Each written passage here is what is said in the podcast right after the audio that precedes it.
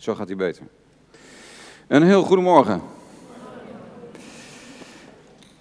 We hebben gezongen over de heiligheid van Gods naam. Heilig, heilig is de Heer. En waardig is de Heer. En um, dat komt inderdaad heel goed overeen met het thema van vanmorgen. Als we nadenken over het heiligen van Gods naam. Uh, wat betekent dat en hoe uh, gebeurt dat in ons leven? En uh, dat is natuurlijk wat de Heer Jezus ons heeft leren bidden in het Onze Vader. Matthäus 6, vers 9. onze Vader die in de hemelen zijt, uw naam worden geheiligd. Dat laat ons ook zien dat dit voor de Heer Jezus helemaal aan het begin staat. Dit is het, het eerste wat hij noemt als wij bidden tot God.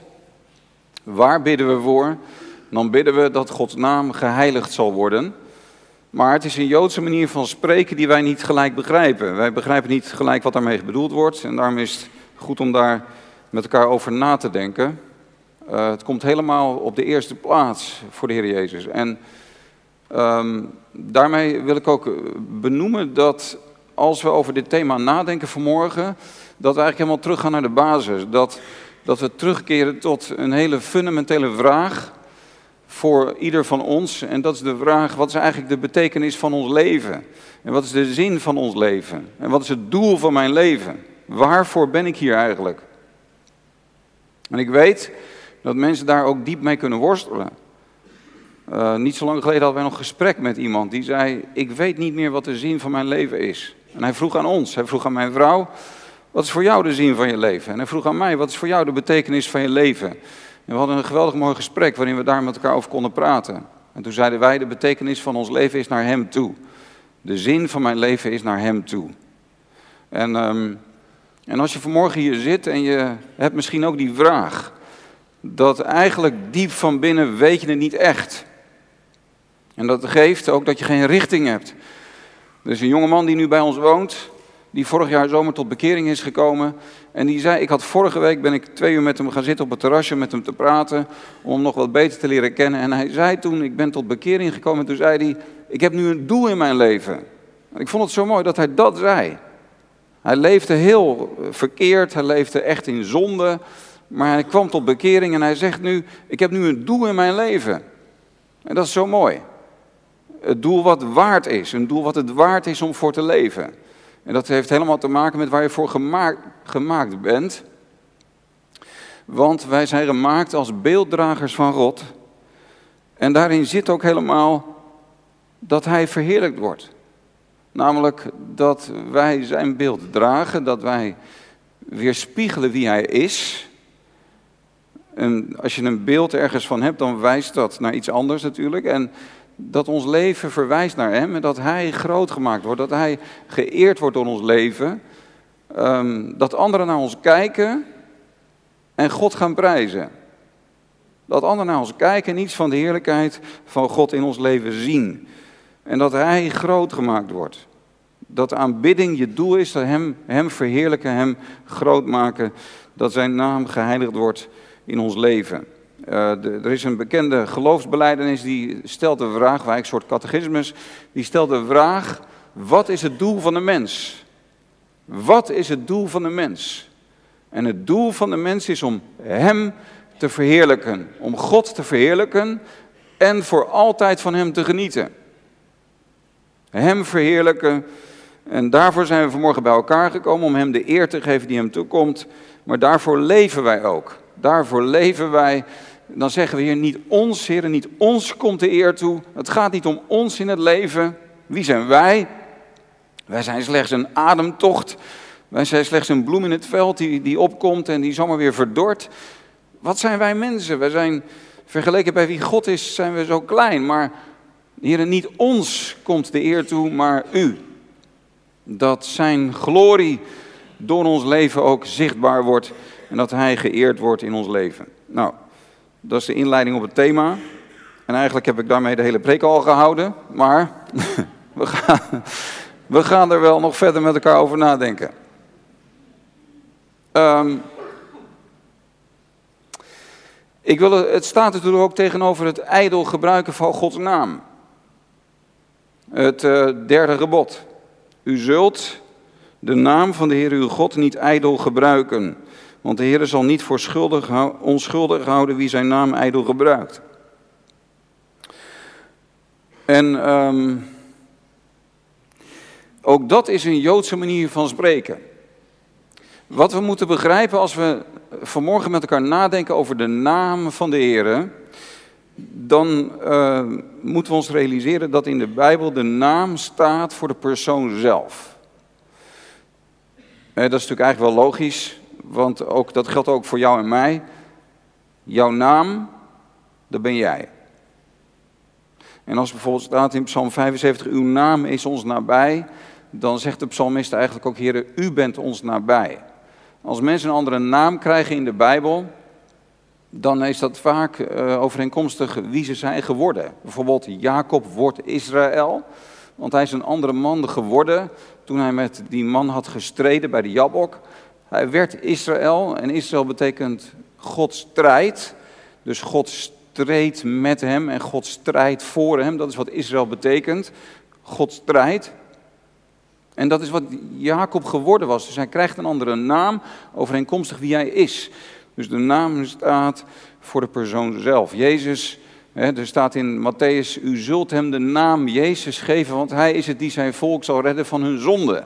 Jezus betekent de Heere red, dus de Heere red van zonde. En dat is Jezus, dat is, dat is Jezus helemaal. Het is wie hij is, dat is zijn naam. Dus de naam staat voor de Heer zelf en wie hij is. De naam van God ijdel gebruiken betekent dat we zijn naam misbruiken. Ijdel betekent leeg. Zijn naam zinloos gebruiken. Nou, bij het derde gebod denken wij natuurlijk aan vloeken. Dat iemand, we denken nou over Gods naam. En dat betekent wie hij zelf is. En dat je bijvoorbeeld heel boos wordt en dat je dan ineens de naam van God gebruikt. Of dat je heel erg schrikt en dat je dan de naam van Jezus gebruikt. Dat je de naam van God of de naam van Jezus als een krachtterm gebruikt. Nou, dat is natuurlijk niet de bedoeling. Dat is um, zijn naam ijdel gebruiken. Dat is niet tot zijn eer. Daarmee beledig je God natuurlijk. En dat hoort niet zo te zijn.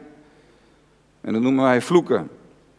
En dat is een symptoom van ongeloof en een uiting van vervlakking in onze samenleving. Maar de betekenis van het derde gebod gaat veel dieper dan dat. Ik kwam ook deze beschrijving tegen. U zult de naam van God niet lichtvaardig terzijde schuiven voor iets leegs. U zult de naam van God niet lichtvaardig terzijde schuiven voor iets leegs. En als we dan hebben gezegd, u zult de uh, dat, dat de naam van God staat voor wie hij zelf is, dan betekent dat dus ook dat het gebod inhoudt dat we, u zult de naam niet lichtvaardig terzijde schuiven, dat we God niet terzijde schuiven in ons leven. Dat we Hem niet negeren. Wij eren Hem niet door Hem te negeren. Dat we niet God uh, aan Hem voorbij lopen. En dan wordt het veel dieper. En dan past dat derde gebod natuurlijk ook in de eerste vier geboden, namelijk dat we geen andere God hebben. En dat we, um, dat we geen beeld van hem maken, want ieder beeld dat we van hem maken, dat is een aanfluiting vergeleken bij wie hij zelf is. En dat we zijn naam niet ijdel gebruiken en dat we een dag in de week nemen om apart te zetten, ook om hem te aanbidden. En om te rusten. En om ons in hem te verblijden. Maar dat heeft allemaal te maken met dat we niet aan God voorbij lopen in ons leven. Oké, ik ga eigenlijk twee concrete dingen noemen. Hoe wij A. Uh, niet zijn naam voor leeg houden. En B. Dat we zijn naam heiligen in ons leven. Twee dingen wil ik noemen. Alles wat volgt is nog twee dingen. Het eerste is dit. Dat we zijn naam niet lichtvaardig terzijde schuiven impliceert natuurlijk ook dat zijn naam en dat hij zelf alles voor ons is. En dat we hem heiligen in ons leven. Uw naam worden geheiligd betekent ook dat hij geheiligd wordt in ons leven. Dat we Hem als heilig beschouwen. En heilig betekent uniek, bijzonder, speciaal, onvergelijkbaar. God wordt geëerd in ons leven als Hij voor ons ook heilig is. En als we niet aan Hem voorbij lopen, wat ik al zei, als we Hem niet terzijde schuiven, als we niet, als we niet leven alsof Hij er niet is. Maar dat Hij echt de allergrootste in ons leven is en dat we Hem lief hebben boven alles. Je kunt het eigenlijk vergelijken met het huwelijk. Uh, als ik het even heb over mijn eigen huwelijk. Voor mij, dat, dat, dat kan ik zeggen, voor mij is Lois heilig. Daarmee bedoel ik niet dat zij zelf heilig is. Want u weet dat ik een hele lieve en een hele, een hele uh, oprechte en een hele eerlijke en een godvrezende vrouw heb. Maar ik bedoel niet dat zij volmaakt is. Maar wat ik bedoel te zeggen met als ik zeg dat voor mij Lois heilig is, dan bedoel ik, voor mij is zij volkomen uniek in mijn leven. Zij is onvergelijkbaar voor mij. Geen andere vrouw heeft mij zo lief. Geen andere vrouw wijdt zich zo aan mij toe en is mij zo trouw en helpt mij zo zoals mijn vrouw mij helpt. Uh, geen andere vrouw heeft zich zo aan mij verbonden als mijn vrouw. En ik heb met geen enkele andere vrouw de relatie die ik met Lois heb. Um, ik hou heel veel van mijn moeder, die nog leeft. En ik hou ook ontzettend veel van mijn dochter. En dan heb je ongeveer de drie vrouwen die belangrijk zijn in mijn leven. Mijn moeder, mijn vrouw en mijn dochter. Maar toch is mijn vrouw heilig. Mijn vrouw is absoluut, die steekt daar met kop en schouders bovenuit. Dat is de betekenis van dat zij voor mij heilig is. Er zijn 3,5 miljard vrouwen op deze aarde, maar voor mij is er maar één Lois. En ik heb alleen met haar dat verbond en die verbondsrelatie. Weet je, God is heilig.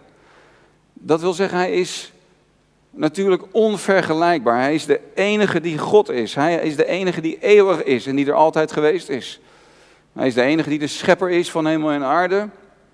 En die alle macht heeft en die alles in stand houdt. En hij alleen is de bron van licht en leven. Ik zat in de auto hier naartoe en ik geniet zo ongelooflijk van de lente. En van de afgelopen twee weken dat de bomen dat verse groen hebben gekregen. En alle bloesems die er zijn. En de rhododendrons die bloeien bij ons op de Veluwe in mijn eigen tuin. En de, de brem die bloeit. En ga zo maar door, die kleuren die er allemaal zijn. Weet je, hij alleen is de bron van licht en leven. En hij alleen weet alles. En hij alleen is liefdevol zoals geen ander liefdevol is. En hij alleen is genadig en barmhartig, zoals niemand anders dat is. Hij is echt volkomen uniek. Dat is wat heilig betekent. Dus hij is het, maar de vraag is, is hij het ook voor mij? Is hij het ook voor ons, voor jou? Is God ook heilig voor jou? Of heb je eigenlijk niet door wie hij is? Schuif je hem eigenlijk terzijde? Heb je eigenlijk geen zicht op God in je leven? Weet je, als je God leert kennen, als je Jezus leert kennen, dan zeg je, Heer, oh, u bent heilig voor mij. Natuurlijk, u steekt er met kop en schouders bovenuit. Ja, alles is mooi, er heel veel is mooi in het leven, maar Psalm 63, uw goede tierenheid is beter dan het leven. En naar u verlang ik. En ik zoek u vroeg in de morgen en mijn ziel dorst naar u. In een dor en dorstig land zonder water. Ik heb u in het heiligdom aanschouwd. En ik heb uw macht en uw heerlijkheid gezien. En daarom zal ik u loven in mijn leven. En in uw naam zal ik mijn handen opheffen. Want u, Heer, u bent heilig voor mij. Dus dat is de eerste vraag die vanmorgen naar ons toe komt. Kijk, God is heilig. En daar is niks aan af te doen. En daar kan niemand ooit iets aan afdoen. En God is dezelfde, altijd. Hij was en hij is en hij zal komen en hij is onveranderlijk. Er verandert nooit iets aan zijn persoon en heiligheid. Hij is volkomen heilig, maar dat Jezus ons leert bidden, uw naam worden geheiligd, betekent dat hij ook heilig voor ons is. En dat we hem lief hebben boven alles. Dus als we hier vanmorgen zo bij elkaar zijn, en we zijn hier gekomen om hem te aanbidden, dan is het goed om even persoonlijk over deze vraag na te denken. Heb ik de Heer meer lief dan het leven zelf? Hou ik meer van Hem dan van mijzelf? Hou ik meer van hem dan van mijn vrouw, van mijn man, van mijn kinderen, van mijn ouders? Hou ik meer van hem dan van mijn eigen functioneren en mijn, mijn bezig zijn en mijn carrière en mijn geld en mijn ontwikkeling en mijn talenten? En dat ik ben wie ik ben? Zoals in onze moderne samenleving de mens zelf aanbeden wordt en het functioneren van de mens zelf verheerlijkt wordt. Maar dat is niet de bedoeling van het leven. De bedoeling is dat je meer van hem houdt dan van je eigen functioneren en van je eigen werk. Wij mannen gaan vaak op in ons werk. Maar even eerlijk, hè, hou je nou meer van je werk eh, of meer van God? Hou je meer van genot of hou je het meest van God? Heel veel mensen houden ook meer van genot dan van God. Dat zegt de Bijbel ook, dat dat in het einde der tijden zo zal zijn. Mensen zullen meer liefhebbers van genot zijn dan van God. Dus die vraag die komt aan ons vanmorgen. Wat is nou echt je ultieme liefde? Wat is je diepste loyaliteit in het leven? En Paulus die bidt voor de gemeente die hij dient, dat ze aan Christus verbonden mogen raken. Dat ze, eh, zoals een man en een vrouw aan elkaar verbonden zijn, dat de gemeente en Christus aan elkaar verbonden zullen zijn en elkaar lief zullen hebben. Meer dan alle anderen. Uw goede tierenheid is beter dan het leven. Als je gaat begrijpen dat Hij de bron van alle schoonheid is. De aarde is vol van Zijn heerlijkheid. Alle schoonheid die er op aarde is, is een afstraling van Zijn heerlijkheid. Dan ga je van Hem houden. Dan alle mooie dingen die er zijn in het leven. Alle leuke dingen die er zijn. Alle mooie dingen die je meemaakt. Alle mooie spulletjes die je hebt. En alle schoonheid in de natuur. En alle schoonheid die er onder de mensen ook te vinden is. Dat alles maakt dat je meer van Hem gaat houden. Want alles verwijst naar Hem. En alles is gemaakt om Hem te verheerlijken. En alles is een openbaarwording van Zijn glorie. En daarom is de bedoeling van je affectie, de richting van je affectie moet zijn niet naar de dingen die Zijn heerlijkheid weerspiegelen, maar naar de bron van die heerlijkheid, naar Hemzelf. Dat je Hem lief hebt boven alles. Dus de eerste vraag die naar ons toe komt, en dit is ook wel een beetje in het verlengde van de preek die ik de vorige keer gehouden heb toen ik hier was. Weet je van, en ik moet daarbij ook denken aan Henk Binnendijk. U kent Henk Binnendijk wel. Die dan vraagt, u hoort het hem zeggen. Dan vraagt hij aan zijn gehoor, mag ik u vragen, wat heeft u met hem? Wat heeft u met hem? Wat heb ik met hem? Hoe is mijn relatie met Hem? Hou ik echt van Hem? En Hij wordt natuurlijk verheerlijkt in ons leven als we Hem lief hebben boven alles. Niks is meer tot Zijn eer. En niks strekt meer tot Zijn glorie. Dan dat we Hem alleen aanbidden. Dat we geen andere God in ons leven hebben. Dat we Hem boven alles stellen in ons leven. Dat alles wat we doen, dat we dat doen voor Hem. En dat betekent ook dat we voor onze vreugde in Hem vinden. Hij wordt erin verheerlijkt als we onze vreugde in Hem vinden. En ik kom er steeds meer achter dat het christenleven eigenlijk in één zin samen te vatten is: verblijd je in de Heer. Dat is het christenleven. Verblijd je in de Heer. En dat kan, om je in Hem te verblijden. Want hij is zo ongelooflijk groot en zo onvoorstelbaar goed. Hij is het helemaal waard om je hele hart aan te geven. Weet je, er gaat iets mis in een mensenleven als je hem voorbij loopt. Er gaat iets mis in een mensenleven. Je komt niet tot je doel als je jezelf tot God verheft. Als je denkt en doet alsof je zelf God bent. Dat ben je helemaal niet. Een mens wordt een beetje toch een beetje, ja, je dwaalt gewoon af als je zo gaat leven. Maar je komt tot je bestemming en je komt tot je doel. En dat is dus ook het vinden van het doel in je leven. Dat je zegt, Heer, ik ben niet God, maar u bent God. En ik leef ten diepste voor u. En dat is ook wat die jonge man vorige week tegen mij zei. Die echt in zonde geleefd heeft. Die echt met drugs bezig was en met alcohol en met meisjes en met feesten. En die van feest naar feest ging. En die helemaal zich in de wereld zat. En die vorige week tegen mij zei: Ik ben vorig jaar zomer tot bekering gekomen. En ik heb nu een doel in mijn leven. En dat doel is. Dat is Hij. Dat doel. Dat is God zelf. Om Hem te kennen en om voor Hem te leven. En om mij in Hem te verblijden. En om Hem steeds beter te leren kennen. En om naar Hem te kijken en, en Hem te aanschouwen. En dan zeg ik, uw goede tierenheid is beter dan het leven. En dat betekent dat je ook een verlangen naar God hebt. En vanuit dat verlangen naar God ga je hem ook zoeken. Je gaat hem zoeken. Kijk, als ik vanmorgen tegen jullie zou zeggen: Loos is heilig voor mij.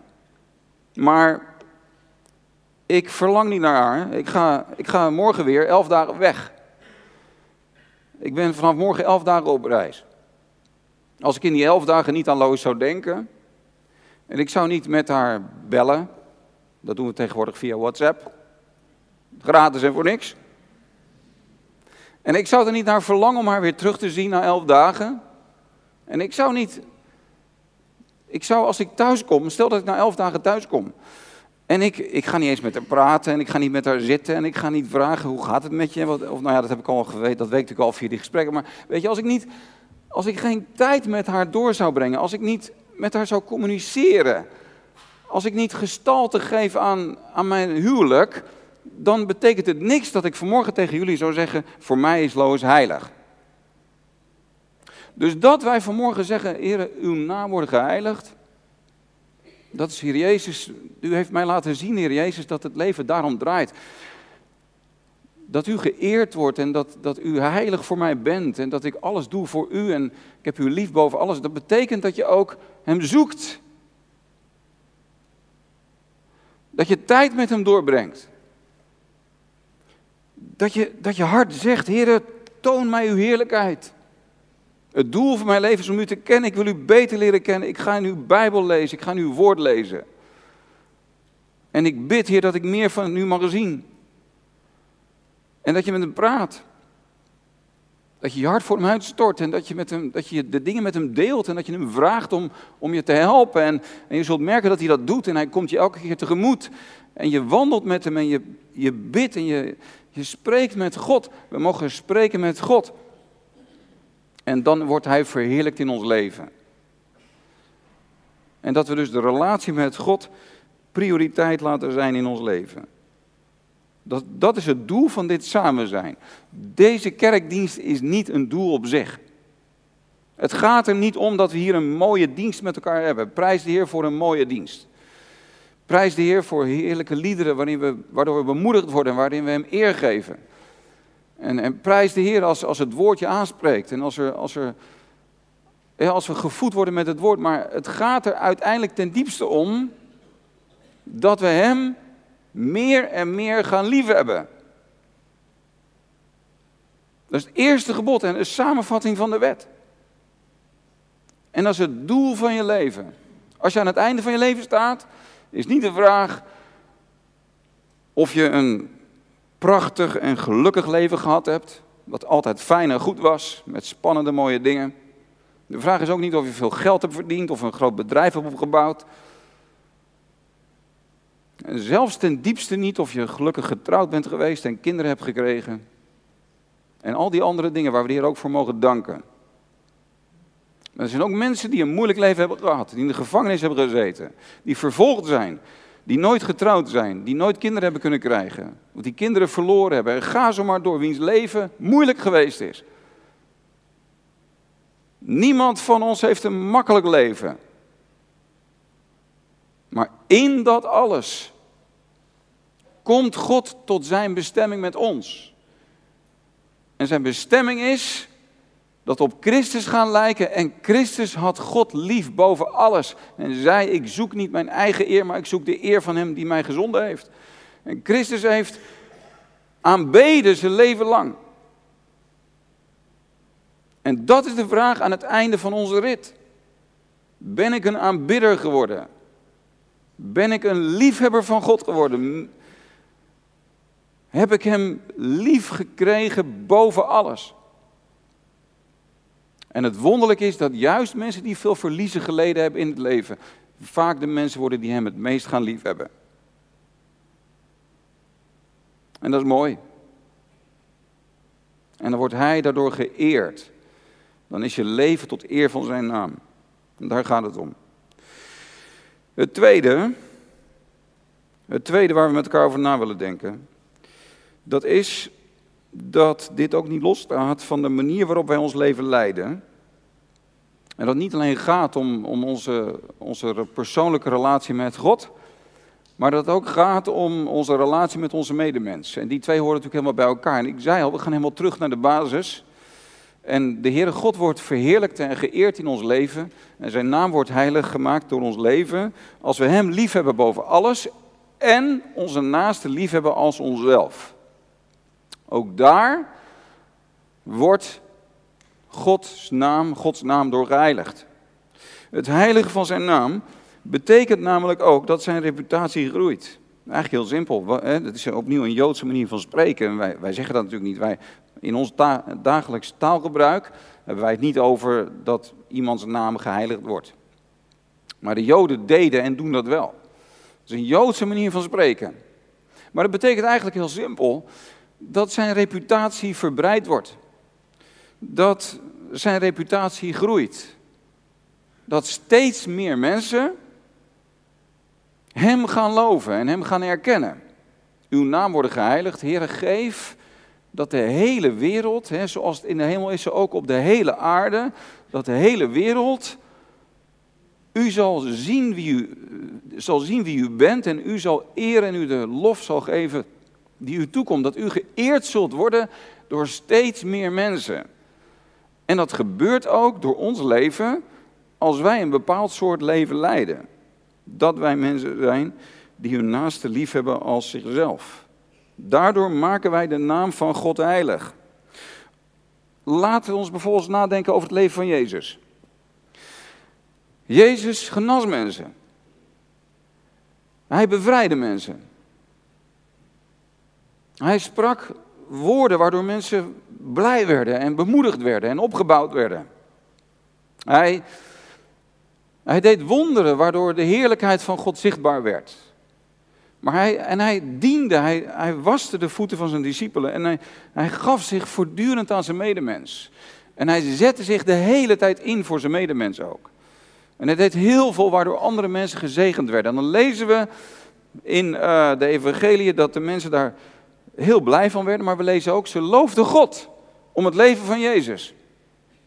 Ze zeiden, ze, ze loofden God die zulk een gunst aan de mensen gegeven had. Ze, ze, er, kwam aanbidding, er kwam, er kwam dankzegging naar God toe. Om het leven van Jezus, omdat hij zoveel daden van naaste liefde deed. Als we denken aan de leidersweg die Jezus gegaan is. Het ultieme wat Jezus voor ons gedaan heeft. Is dat hij bereid was. Hè, dat hij gevangen genomen werd. Dat hij mishandeld is. Dat hij gegezeld is. Dat hij bespot is. Dat hij ongelooflijk veel veel kwaad van mensen kwam over hem heen. En daar hebben we natuurlijk de afgelopen periode in de aanloop naar Goede Vrijdag weer met elkaar over nagedacht. En op Goede Vrijdag hebben we daarover nagedacht dat Jezus heeft voor ons geleden. Als geen ander. En dat was ultieme liefde. Hij, hij deed dat uit liefde voor die mensen die hem dat aandeden. Hij werd getroffen door het kwaad van mensen en hij gaf zichzelf. En met dat hij zich gaf, deed hij dat om diezelfde mensen van hun kwaad te bevrijden. Nergens is grotere liefde geopenbaard dan in het offer wat Jezus voor ons heeft gebracht. En hij stierf van het kruis en hij heeft zijn leven gegeven tot in de dood. Niemand heeft grotere liefde dan wie zijn leven neerlegt voor zijn vrienden. En hij heeft het zelfs voor zijn vijanden gedaan. Dat is Jezus. Zelfopofferende liefde. En hij stond op uit de dood en we weten dat hij onze zonde heeft weggedragen en nu gaan we dat zien. En nou komt het, beseft u dat er vandaag de dag, op dit moment, terwijl deze zondag overal ter wereld mensen bij elkaar komen, dat er honderden miljoenen mensen zijn over de hele wereld, die vanuit het diepst van hun hart God de Vader danken en God prijzen en God verheerlijken en Hem lof zingen zoals wij vanmorgen gedaan hebben om wat Jezus voor, voor hen gedaan heeft. Het offer dat Jezus bracht voor zijn medemens in nood, heeft ertoe geleid dat door de eeuwen heen de volkeren, niet alleen Israël, maar nu ook de volkeren, de God van Israël aanbidden. De naam van God wordt verbreid over de aarde. De reputatie van God groeit en groeit en groeit. En ten diepste gebeurt dat om wat Jezus voor ons gedaan heeft. Niemand die kijkt naar de lijdende en stervende Christus aan het kruis van Golgotha, zal nog zeggen dat God niet een liefdevolle God is. Iedereen die kijkt naar wat Jezus voor ons deed, zal zeggen: God is barmhartig, God is genadig, God is liefdevol, God is goed. Hij is goed, want hij heeft zijn zoon gegeven. En Jezus stierf voor onze zonde. En dus wordt hij geprezen.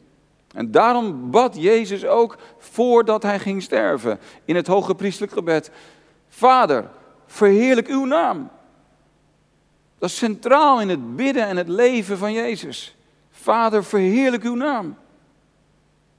En dat gebeurde. Dat gebeurt vanmorgen in ons midden. Wij verheerlijken de naam van God, om wat Jezus voor ons deed aan het kruis. Nergens is God meer door geëerd. En is zijn naam, wordt zijn naam geheiligd in deze wereld. Dan door wat Jezus voor ons heeft gedaan.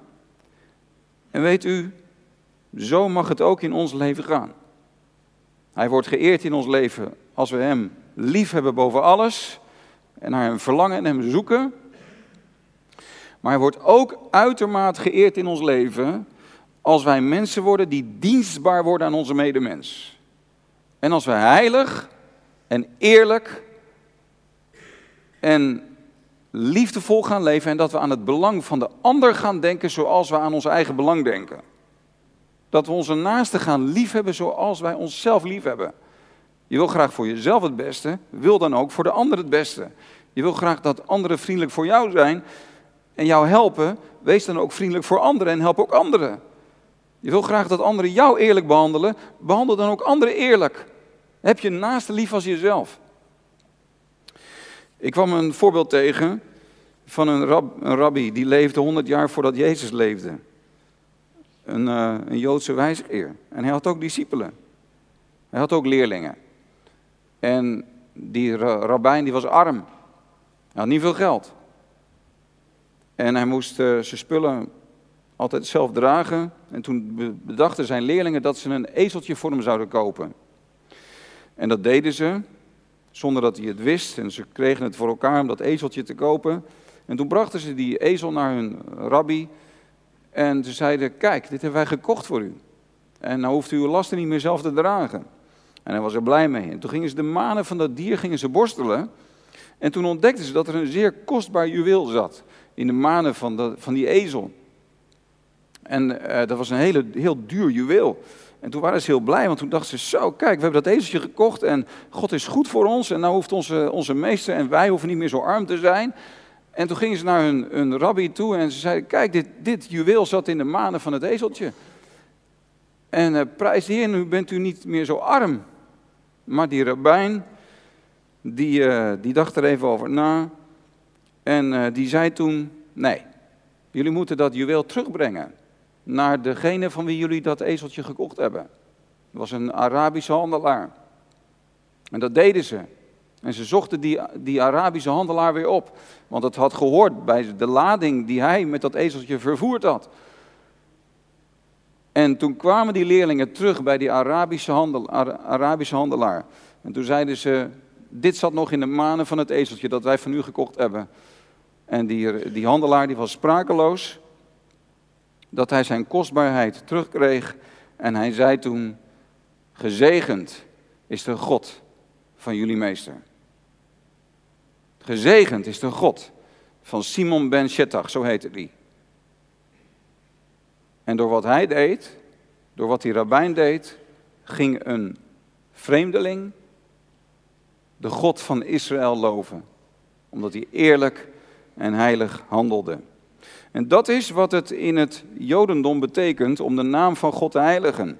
Het betekent dat je je leven zo inricht dat je Gods heerlijkheid verspreidt onder hen die Hem nog niet kennen, door rechtvaardig te leven, door een heldendaad te verrichten, door integer te leven, door desnoods je leven te riskeren voor je medemens, of door een martelaar te worden om God te eren. Dat zijn de concrete dingen die de rabbijnen noemen. Begrijpt u dat dit natuurlijk zo fundamenteel ook is? We kunnen de mond vol van God hebben. We kunnen de mond vol van Jezus hebben. Maar uiteindelijk komt het erop aan of wij een bepaald soort mensen zijn geworden. Of wij langzaamaan veranderen naar het beeld van Jezus. Die nog veel meer dan Simon ben zo heeft geleefd. En dat is wat God met ons wil doen.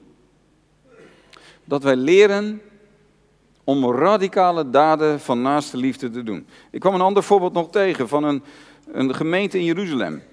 Een christelijke gemeente in Jeruzalem die geleid wordt door een man die Jonathan Miles heet.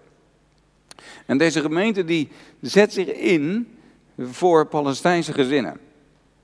En in het bijzonder doen ze dit, dat ze gaan naar de Gazastrook en ze gaan naar andere Palestijnse gebieden toe.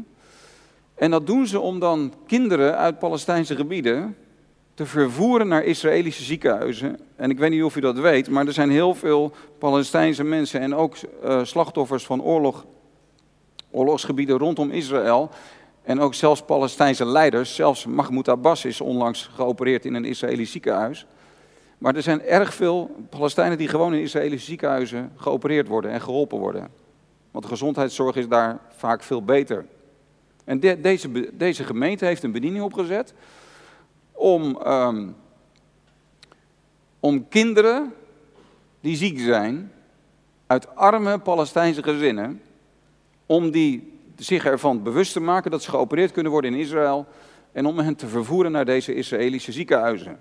En zo kwam Jonathan Miles, die kwam in Gaza en hij zat in een politiepost in Gaza, ergens in dat gebied. En hij zat daar in die politiepost te wachten op die ouders met het kind, waar hij een afspraak mee had, die, dat kindje dat ook dus geopereerd zou worden. En toen zat er een man tegenover hem en dat was, die man die zag, er angstaanjagend uit. Hij was een Palestijn en hij dacht, wat doet die man hier? Die ziet er niet uit als een Arabier en hij is waarschijnlijk een christen. En het is niet makkelijk om christen te zijn in de Gazastrook. Het is trouwens zo dat de, de voorganger van de, van de baptistengemeente in Gaza, die heeft een paar maanden geleden bij ons in Harderwijk in de gemeente gepreekt. En heeft verteld wat er allemaal gebeurt daar. En ook hoe moeilijk het is en hoeveel vervolging er is in de Palestijnse gebieden ook eh, van de christenen. Ook in Bethlehem zie je dat bijvoorbeeld, waar uh, eh, 40 jaar geleden nog 80% christen was. En nu zijn er bijna geen christenen meer over in Bethlehem. Maar even, even, weet je, deze Jonathan Miles, die zat daar. En die man die tegenover hem, die was een vijandig gezind. En die benaderde hem op een hele plompe wijze. En hij viel hem aan met woorden. Wat moet je hier? En wat doe je hier? En Jonathan Miles, die wist niet dat deze man lid was van een terroristische organisatie. En dat hij zelfs aangeworven was om zelfmoordterrorist te worden. Maar Jonathan Miles die legde uit waarom hij daar was.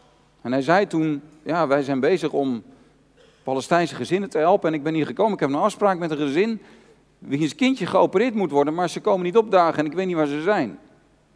En toen hij dat zei, toen verdween de vijandigheid uit de houding van deze Palestijn als lucht uit een luchtballon.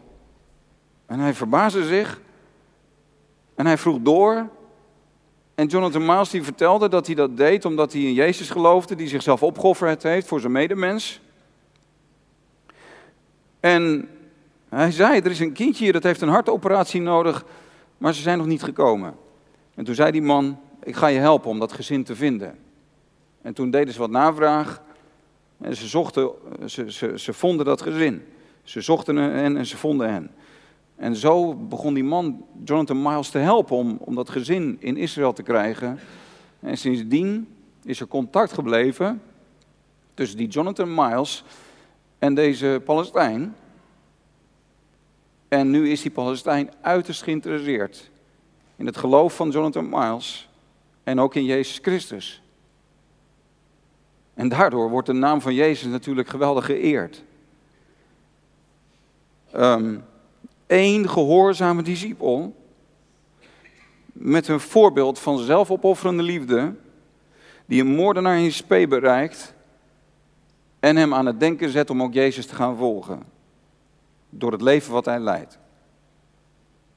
Dat is discipelschap. En dan zeg je, dat juweel, daar gaat het niet om in mijn leven. Dat ik een schitterend juweel heb. Of dat ik vergaar voor mezelf. Daar gaat het niet om in mijn leven. Of dat je zegt dat ik een makkelijk leven leid. Want die Jonathan Miles, die stelt wel zijn, zijn leven op het. Die, die, die riskeert wel zijn leven.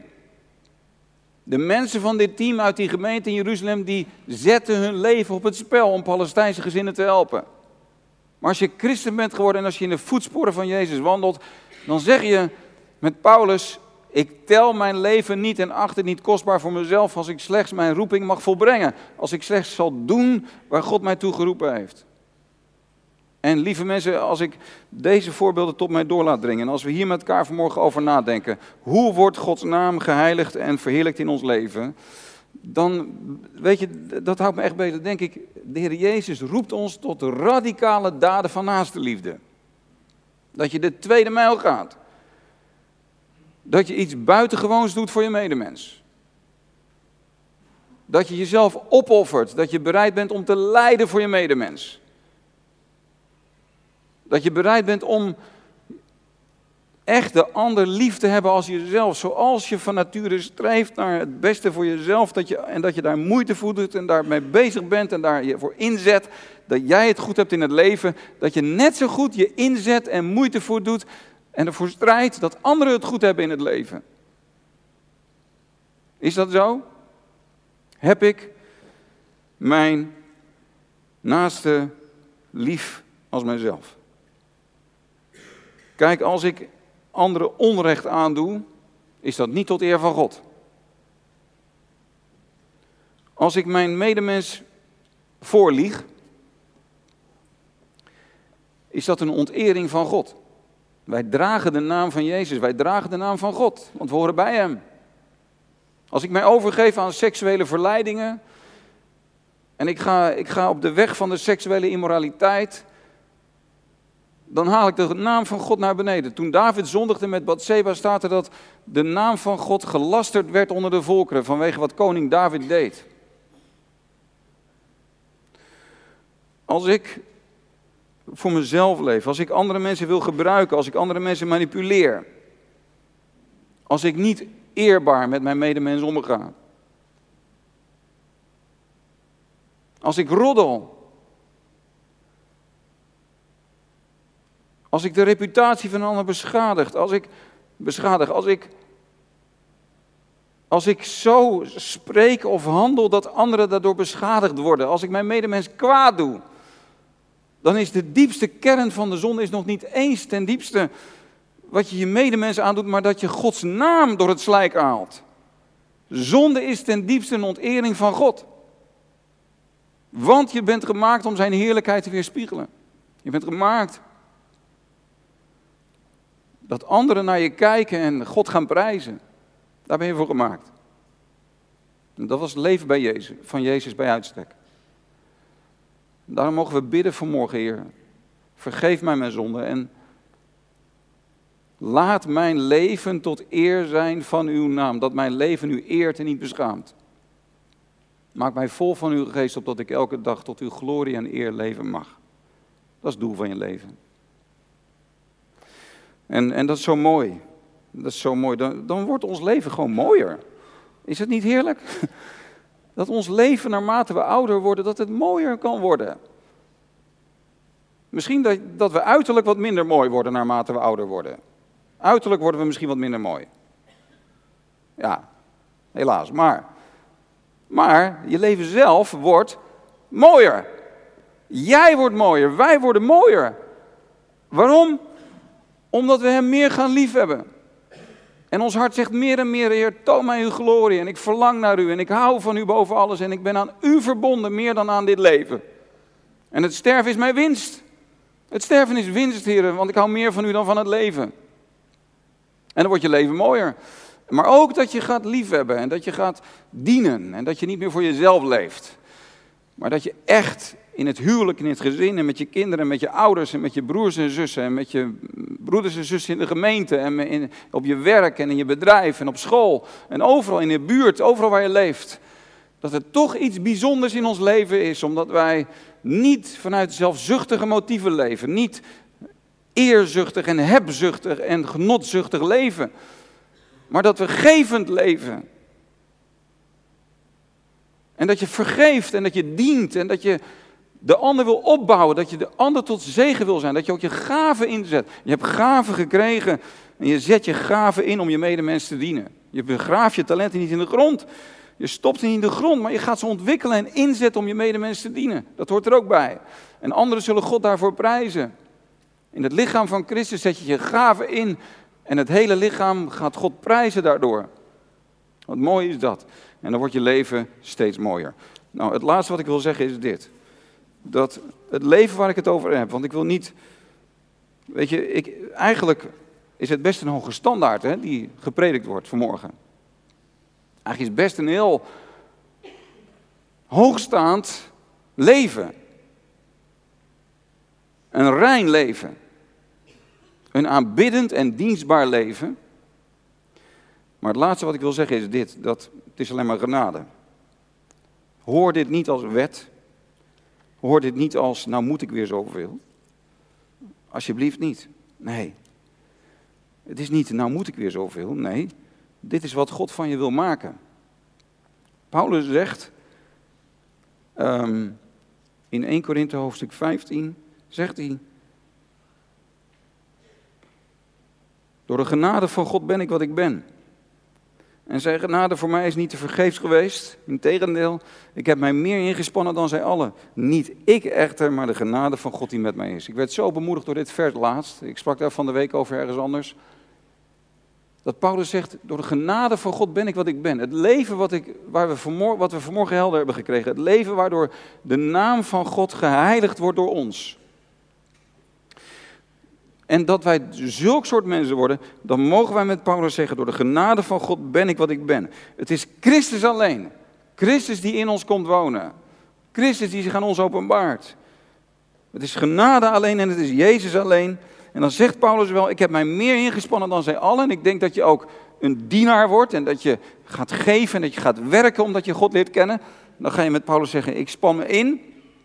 Maar dan zeg je ten diepste, ja, Paulus zegt, ik heb mij meer ingespannen dan alle anderen. Paulus was een, een hardwerkende man. Maar hij, hij zegt dat niet trots. Hij zegt dat niet zo van, kijk, dat is wat ik doe. Helemaal niet. Hij zegt, ten diepste was het niet ik, maar de genade van God die met mij is.